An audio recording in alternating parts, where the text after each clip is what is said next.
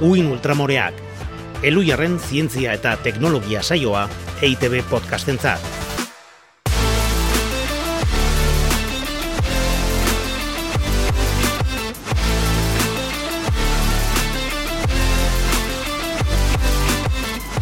Kaixo, alaitz otxoa deribe agirre. Kaixo, Ana Galarraga aiestaran. Eta Kaixo Uin Ultramoreak podcastaren entzuleok. Ze, zemos jundau da. Behaiei galdetzei ez du edo nei? Da noi? Ah, bueno, Zuri? bueno. ba, neria joan da, esan dezun bezala, joan da. Eta nola, ba, beroegi, denona, bezala, pentsatzen dut, eta azkarregi. Orduan akordatuko zea bikini operazioaz aritu ginela hau da hasieran hain azkar jun bada. Bai, bai, bai, nola ez naiz ba, gogoratuko tatuaje bat eta guzti egin dut eta orduan esan genuen esaldi batekin. Osasuna, gorputz forma askotan egon daiteke. Ba bai, beitu, tatuatuta eramateko moduko esaldia da, alare ematen du batzuk ez diala enteratu ikusita uda honetan zenbat zabaldu diren botika miragarri hoiek argaltzeko ez da? Nola, orduan jendeak ez du uin ultramoreak entzuten? Ba oso gaizki, ze Fatal. informatuta egoteko, eta ikuspegi kritikoa izateko, ez dago ez zerroberik podcast hau entzutea baino. Bueno, alaitz hori entzuleek esan beharko dute. Baina, bueno, ba bai, gu Bueno, bai, bai, gea. Guk ere bai, guk ere bai. Gu behintzat saiatuko gea zientzia eta teknologia munduko kaiak ekartzen eta uin ultramorez aztertzen begi hutsez ikusten ez dena ikustarazteko. Bueno, ez da helburu makala, eh? Buah. Begi hutsez ikusten ez dena guk ikustarazten dugu uin ultramoreen bidez. Eta horregatik, horixe izango da, gaur uin ultramorekin aztertuko dugun gai nagusia, argaltzeko botika miragarriak. Ona, ona, nik uste dut non interesekoa dela hori, bai baina. Azteko alare ze, albiztiak ez, ze ikertzai guztiak ez zidia oporretan egon da osoan. Eta sortu dira, albiztiak. Bai, albiste pila bat sortu dira, baina aurretik gure albiste eman berko deu, ez dana? Gu guri, zein, Bai. ez, a ber, baina, hola, intimidadeko... Ez, ez, hori ez. Ah, bestea. Bestea, bestea. Ah, ui, txetxe, guai, bai, berua. Uin ultramoreak berritu ditugula. Ah, Eskerrak moztu dizute. Uin ultramoreak zorroztu ditugu, Ana. Hori da, egia. Eta argitaratu berri diren azken ikerketak ez ezik, beste bide batzuetatik iristen den jakintza zientifikoare, zabaldu nahi de? Ta horretako gaina, zuen laguntza, entzuleok, zu ona, behar dugu. Entzun ondo, eta egoitz, mesedez sartu musika ola epikoren bat emozio pixka bat emateko.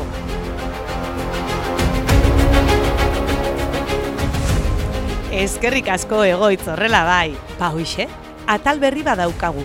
Egunero ikasten da zerbait, deitu diogu, eta lehendi jakina zen, baina guk ez genekien, eta nunbaitetik jakin deun.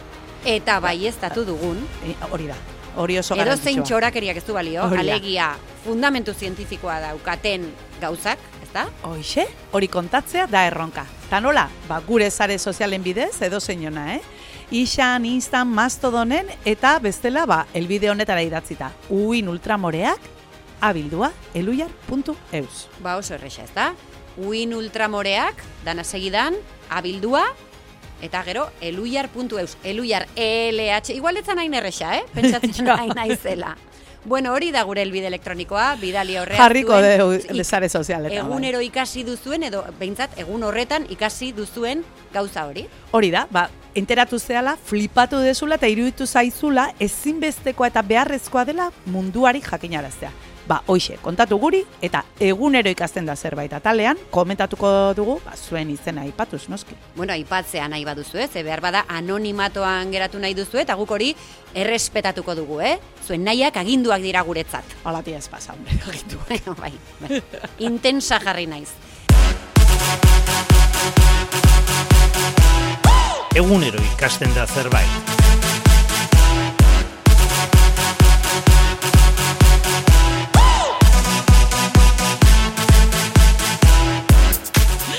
Estrenatzeko badugu entzule batek jakitera eman digun kontu super interesgarri bat. Hoi da, Xabi Ezpeletak mastodon bidez idatzi digu, eta hauxe esan digu.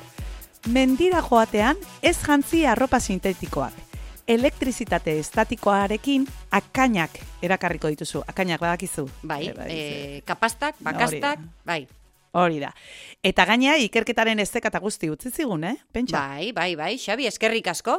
Komeni da horrelako gauzak jakitea eta jakinaraztea, ze izan ere areagotzen ari dira akainen bitartez transmititutako gaixotasunak, eta beraz, ba, komeni da kontuan hartzea horrelako gauzak, erroparena, ez da? Hoi da, goatu, ba, galtza luziak eramatea komeni dela, batez ere belar altuan iratzen artean eta ganadua da bilen lekutan ibili behar badugu, eta etxea, eo, bueno, bakoitza iritsi behar du lekura iritsitakoan, ondo begiratzea ea akainik baute dugun. Eta topatuzkero oso fuerte karraxi egitean, ai, kendu jazu, kendu jazu, ez da? Eta ez basea gai, ba, behitu, jun farmazira eta kenduko dizute. Adibidez. Adibidez. E baino hortaz guztiaz gain, ez da, horrei gehituko diogu, galtzaluzena eta bar, horrei danai gehitu behartzaio, ba, Xabi espeletari esker, orain ikasi dugun hau, ez da? Erropa hobe kotoizkoa izatea, egun sintetikoek elektrizitate estatikoa sortzen dutelako, eta horrek akainak erakartzen dituelako. Earki, ba ikusi, ikasi deu ja gauza bat gehiago. Eta zuke ikasiko zenun zerbait, ez da laitz? Bai, bueno, ez, gauza askorik ez dut ikasi, baino, uh, honek desente flipatu nau. E, uda hontan, mm, aukeran gehiegi izan ditugun karabela portugesak, ez dira marmokak, ez da? Ez dira, hori, hori gaitu dugu askotan, ez dira marmokak, karabela dira, bale, ez dira marmokak, baina ez dira animalia bat, munstro bat, ez, munstroa dirudite, ba, eta ez dira animalia bat diot, animalia asko direlako, marmoka itxura duten arren, hidroidez betetako edo hidroidez osatutako polipo koloniak dira. A, koloniak, osea, multzoak, individuoen multzoak. Animali pilo bat dira, bakoitzak bere bete beharrak ditu, eta e, ados jartzen dira, ez da, zuri pikatzeko. Ja. Ikaragarria iruditzen zait, zer da hori, ez da? Gaina, ba, ba, bat da, e, neumatoforoa edo ur gainean dagoen zatia, horrek balio du, Polipolita da, eh. polita, bai, Hola, flatatzen ikusteko, koloriak eta... A, Bai. A ber, morea da. monstruosoa ere bai, anan, eh? Ikaraz- ikaragarrizko beldurra ematen didate. Bueno, jakin hori, ez dala animali bat, diala bitxo pila bat, txaka, txaka, txaka, bakoitzak bere funtzilua dakana eta ados daudela, danak zuri pikatzeko. Bueno, onena ez urbiltzea eta izan altzea musika jaialdiren batean. Ni, bai, bata bestearen atzetik, da guztian. Baina Barney Mannen ez, ez? Ez, Bernin manea ez naiz jun, zorionez. Ze, Hori, badakizu, inundatu intzan, ez da, uoldiak izan Bai, zituzten. kriston ugaldiak izan zituzten milaka eta milaka pertsona eta handik atera ezin gelditu ziren dana lokazti bat bihurtu zelako, osea, bustok baino askoz lokatz gehiago. Bai. Eta kontua da enteratu naizela, ba, lozorroan zeuden iskira moduko batzuk esnatu direla eta jaio direla danak batera, ba, ja, ura daukatelako. Egitan? azkenean. Bai. Osea, beldur berri bat desblokeatu didazu. Bai, baba daude xomorroak, e, estremofiloak, ba, muturreko egoerak aguanta ditzaketenak, eta Ah. de, e, horrelako muturreko egoera horretan gelditzen dira lo. Lurrazpian, antxe daude, ba, e- esnatu arte. Eta Eta, noiz esnatzen dira. dira, ba, baldintzak egokiak direnean, eta noiz izan dira baldintzak egokiak, justu festival horretan hainbeste hori egin zuen. Bueno, Eta dana eh, batera atera, pikatzen dute, Ana? Ez etuz. Bueno, behintzat. Igual jateko dira onak, eh? Bueno, oso gauza interesgarriak ikasi ditugu, ez da, lehenengo atal honetan, hala ere, zientziaren iturri ofizialei, ba, kaso egiten jarraituko dugu, eta gure albisteen atala mantendu egin dugu, ez da, Jon? Albizpeak.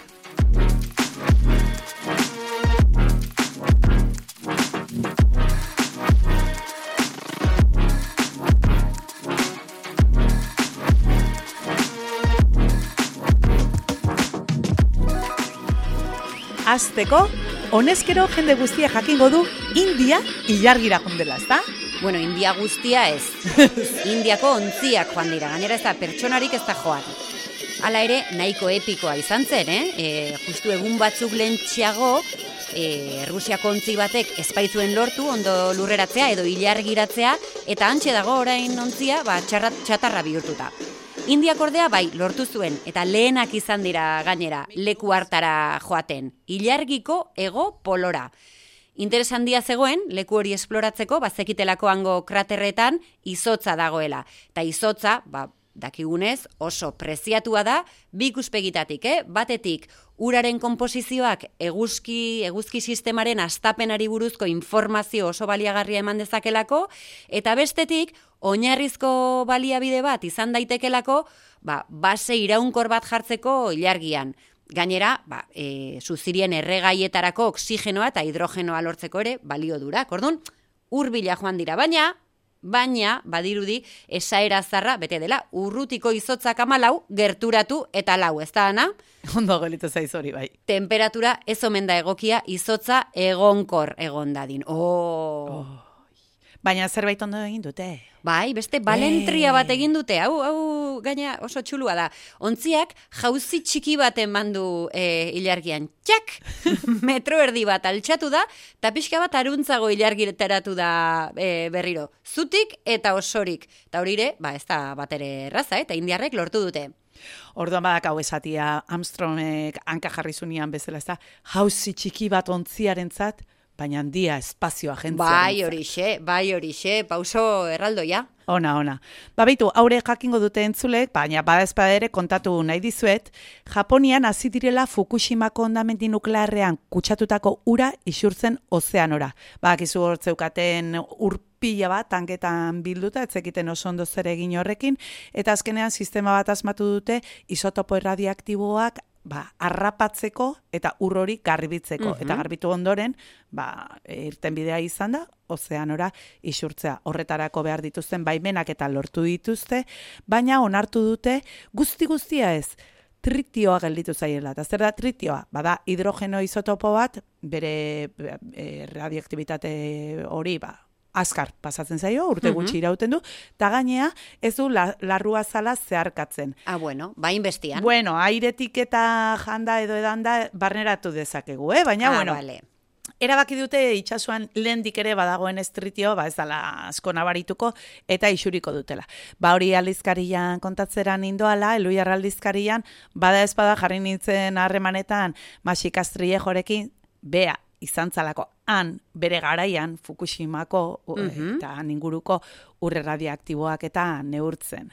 Eta galdetu nioria zer i- iruditzen zitzaion, eta esan zian, ba, ikusita orain arte behintzat nola portatu dian TEPCO, dala zentralaren jabea, Bai. eta Japoniako gobernua bera, Bai. ba, behar direla datu gehiago eta emaitza sendoagoak, Hori ba, da. benetan baiestatzeko lortu dutela garbitzea bestelako isotopo guztiak eta ez diala askatzen ari zezio erradiaktiboa eta beste isotopo batzu badakigunak ba, erradiaktibitateak urte luzez irauten dula eta gainera kaltegarriak direla oso. Eta hitzez hitz esan zuen.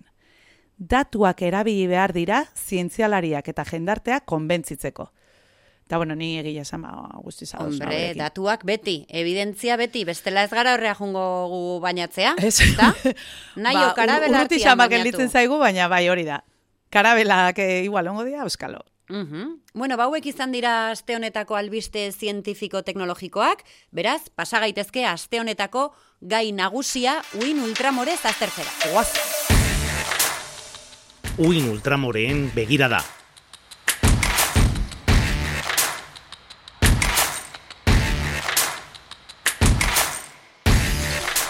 Ba hori, gaiarekin akordatzen zarete ez da, argaltzeko farmako miragarriak. Bai, badakizue, Instagramen eta TikToken eta Whatsappen eta denean gomendatzen dituzten argaltzeko botika horiek. Barbie estereotipika baten gorputza izateko eta e, edertasun kanon heteronormatiboan sartzeko. Alegia, gizarte lodifobo honek eskatzen dizun itxura lortzeko botikak dira. Ba bai, eta esan behar degun lehenengo gauza da berez, diabetesa dutenentza sortu zituztela botika horiek, ez argaltzeko. Mhm. Haien funtzioa da intsulina sorraraztea. Diabetesa dutenek hori dute faltan ez da, intsulina. Eta horrela ba, botika horiek ze egiten dute ba. Glukosa maila orekatzen dute odolean, urdaia polikiago uzten da, eta horrek ekartzen du azetasun sentsazioa ba, luzeago irautea garunean ebai. Mhm. Eta horren guztiaren albondorioa, o albondoriotako bat behintza da, pazientea argaldu egiten dela. Goze gutxiago daukalako. Bai, eta gutxi jaten du orduan, ba. Hori ikusita, obesitatearen aurka ere eskaintzen hasi dira, baina bakarrik paziente obesoentzat eta diabetesa dutenentzat biak batera. Mhm. Zer gertatzen da, e, obesoa egon gabe eta diabetesik izan gabe ere, ba, funtzionatzen dutela. izango dituzte beste albo kalte batzuk, baina kontsumitzaileari inporta zaiona da argaltzeko balio dutela. Eta hainbesterainokoa da eskaera, diabetesa tratatzeko erabiltzen zituztenei, kostatu egiten zaiela botika hoiek lortzea? Merkatuaren legea deitzen zaio horri, maiti. Bai, horixe, bai. Ba, pixka bat arago begiratzen badugu kaldera serioak aurkituko ditugu. Hain serioak, aldizkari zientifiko serioenetako batek, Science aldizkariak, abuztuan editorial bat dedikatu ziola kontuari, eta nik irakurri nuen, eh? abuztuan. E, bai, ondartzan zu ibiltzea editorialak irakurtzen, askotan topatu zaitu. Gisa horretan. izatea. Bueno, ba, kontua da editorialean auzitan jartzen dituztela botika hauek eta galdetzen dutela obesitatearen marea jeisteko balioko ote duten horla deitzen diote. Mhm. Ze, kontuan izan behar da, obesitatearen kontra oraindik ez dagoela tratamentu eraginkorrik eta beraz, medikoen artean interes handia piztu dute botika hauek, ez bakarrik influentzerren artean. Mhm. Gaina hori egia da, ezta? Osasun zerbitzuek alegin eta diru pila bat inbertitzen dute obesitatearen kontra. Gaixotasun eta kondizio patologiko askorekin, ba, erlazionatuta dagoelako. Diabetesa esan dugu, baina gaixotasun metaboliko batzuekin ere lo- lotzen da obesitatea, bihotzeko eta zirkulazio arazoekin, eriotza goiztiarrekin, ba hori guztia kontuan izan da, ulertzekoa da argaltzeko botika hauek nolabaiteko jaipa eragitea, ezta?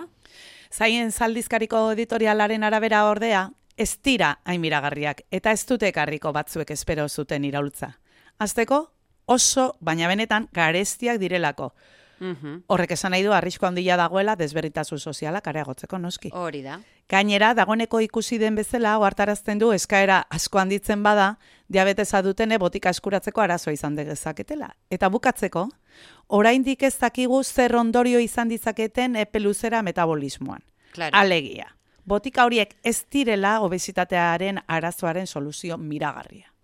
Bueno, eta horiek dira science zalantzak, baina beste aldizkari espezializatu batzuk ere begiratu diote aferari, eta nik aldizkari horiek begiratu diet. Espainiako lehenengo harretako aldizkariak, adibidez, beste galdera pila bat jarri ditu mai gainean, alderdi etikotik. Hasteko zalantzan jarri du farmako horiek zenbateraino diren onuragarriak, hau da, benetan eraginkorrakote diren.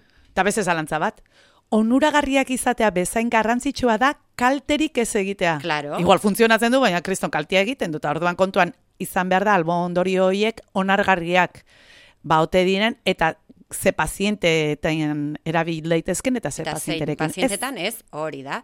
Baita ere galdetzen dute ea onargarria den farmako horiek estetikagatik hartzea. Eta justiziaren alderditik galdera ugari egiten dituzte, azteko prezioagatik.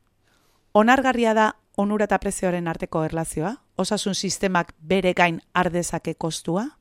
Gainera, obesitatea langabeziarekin eta desberdintasun sozialekin lotuta dago. Hori kontuan hartuta, zen neurri hartuko dira, ezta, egoera hobetzeko. Hori bai dala, galdera potoloa. Eta horrekin batera, irtenbidea individuala bada, nola helduko zaie obesitatea bultzatzen duten ingurunei? Ingurune obesageniko edo hori deitzen. Claro, claro. Nola helduko zaio, ba, elikadura kulturari eta sedentarismoa bultzatzen duten alderdi, adibidez, ba, garraioa, digitalizazioa, eta merkatuare aipatzen dute. Zein da janari industriaren rola? Claro. Eta industria farmazeutikoak aterako dituen irabaziak, ere, etikoak dira, ezta? Ba, hornidora arazoak egonezkero, adibidez, nork du lehentasuna. Herrialde pobren eta beratxen arteko arrakala handituko dute, botika hauek? Galdera gehiegi gauza onerako. Egia, gezurra, ala ez dago nahikoa evidentzia.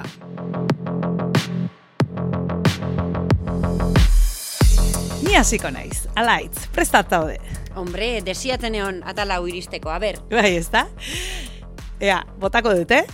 Tratamendu antirretroviralei esker, giba, hau da iesaren virusa, maia detekta ezinera jeitsita, Mhm. odolean, ez da, ezin da detektatu, ezin da sexu bidez kutsatu. Hori egia da. Hori egia da. Hori egia da, eta oso importantea da denok hortaz kontziente izatea, ez da? Hori da. Eta batzutan ema, ezakit, ematen du jende guztiak jakin behar dula, baina topo egiten duzu zalantzan jartzen dutenekin, ba ez, ba jakin zazue denok askotan baiestatu dela eta duela gutxi gainera kaleratu dute bikote bat e, zero positibo eta bestia neg zero negatiboak izan da eta tratamentu antirretroberalari esker ba, bat ere gibik etzeukatenarekin, frogatu dute, baiestatu, berretxi dute, Mhm. ez dela kutsatzen.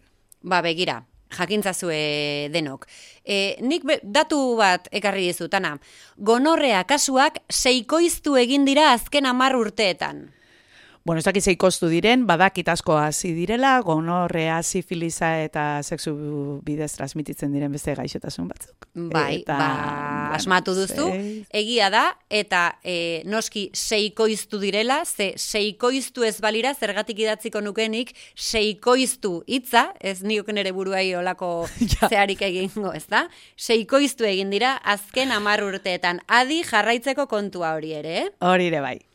Eta, bueno, siestarekin, abeste adierazpena. Hori, olako ez da egoten dira. Eta A ber, nik izango dizut, ona dela osasunerako, baina bakarrik laburra bada. siesta. Bai, luzeegia baldin bada, kaltegarria. E, osasunerako? Bai, Ez, ez da egia hori. Siesta, nahiko siesta luzerik ez da existitzen. Siesta horiek esnatze zela urrungo egunean, bueno, desorientatze zea, ba, nun nagoni, ez dakizu goiza da neogoetik gaua. ba, baina osasunerako kaltegarria, zeba, baizea. Bueno, ba, badaude ikerketa batzuk lotzen duten hasiesta luzeegiak, hogei minutu baino gehiagokoak. Hori, Baina nola izango ditzen, Bueno, Hogei ez dakit minutu baino ikerketa jartzen du. Alzheimerrarekin eta obesitatearekin. Ara? Ba, ala ere kausa efekto ez dago frogatuta, eta ez dago nahikoa evidentzia esateko siesta hoiek luzeegiak direnik eta horrek kalterik ekartzen duenik. Hortaz, ez dago nahiko evidentzia. Hori da. Bale, bale, bale, bueno, lasaiago gelditzen naiz, zaizu. E, nik bat ekarri dut, ustet interesatuko zaizulea, zein dan zure iritzia. Alkoholak besteak guapoago ikustarazten digu. Eh, Alkola eraten alkohola dugunean, edateak. bai, bai, ez igurtzi. Alkola edaten dugunean, Borrosogo bai ikusten dituzu borroso- guapo. eta guapoago ikusten dituzu besteak. Egia Nizu gezurra, beti ikusten zaitu guapa. Egin Bai, bai, igual beti eran duzu alkola. Jo, ez dakiz esan, bai, ez? O, bueno, hola, Iruditzen zaizu? bai, gertatzen da, ez? Ba, ba ez, ez da egia. Ez da egia. Ara. Bueno, Eur- Eureka Alert plataforman irakurri dut e, albiste hau, e, ikerketa hau, eta e, zientzialariek horrela esaten dute textualki. Kuraia likidoa dela alkola. Zuri ematen dizuna da, e, kuraia, ez da? Aus- Lotxa galtzen duzu. Lotxa galtzen duzu, errezago ausartzen zara besteen gana sinesten gerturatzen, besteekin, hori da, ba, hori bagenekien. Eta e, e, ez, ez dizkizula jartzen betaurreko bereziak, garagardo betaurrekoak, ez da? Ez dezula jendea guapoa go ikusten. Alegia, erresago konformatzen zara, ana. Eta jutezea, ba, jendeana, jendearekin hitz egitera, ba, e, lotzi gabe. zuk Bueno, ez daukat, ez de luego, evidentziarik horren kontra, bai, baliteke bai. Bueno, ara esan, ala esan dute zientzialariek, eh? Nik be- erositako prezioan, Prezioan, saltzen dizut. Ta honek bukatu deu, ez? Bai, bukatu dugu, lehenengo Eixe, azka. atal hau, bai, bere ala pasa zait. Jo, neire bai. Igual, ja, igual azkarregi. Bueno, Ez. urrungo atalerako gogoratu denok, bidaltzea, pues, e, denbora tarte honetan, edo uda honetan, edo azken urte honetan, nahizu, nahi duzuenean, ikasi duzuen zerbait. Hitzaldi batera joan zaretela, liburu bat irakurri, aldizkari batean, lagun batek kontatu dizuela. Hori bai. Dokumentala jarrita zeola eta hor siesta hartzeko, ez? Hoi da, Tenorean. Siesta luzegi hoietako bat egin baino Hori lehen. eta de repente ja, txak, hori, enteratu "Ostras, ze? Hori hola altzan. Bueno, Kontatu guri. kontatu guri, gauza zientifikoki akuratuak mesedez, eh? Hori da. Eta nola bidali behar dizkiguteana? Ba, gure sare sozialetan, gu gaude ixan, mastodonen, instagramen, eta gero, ba, elbide elektroniko ze bai. Uin ultramoreak abildua eluiar.eus. Eta besterik gabe, ba, urrengo atalera arte, ez da? Urrengora arte eskerrik asko, aio! Agur. Uin Ultramoreak podcastaren atal guztiak EITB podcast atarian topatuko dituzu. elujarren zientzia.eus webgunean eta ohiko audio plataformetan.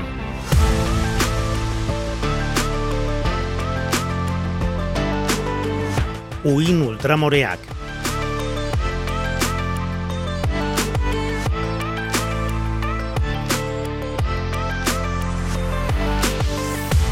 Gauza zientifikoki akuratuak mesedez, eh? Hori da.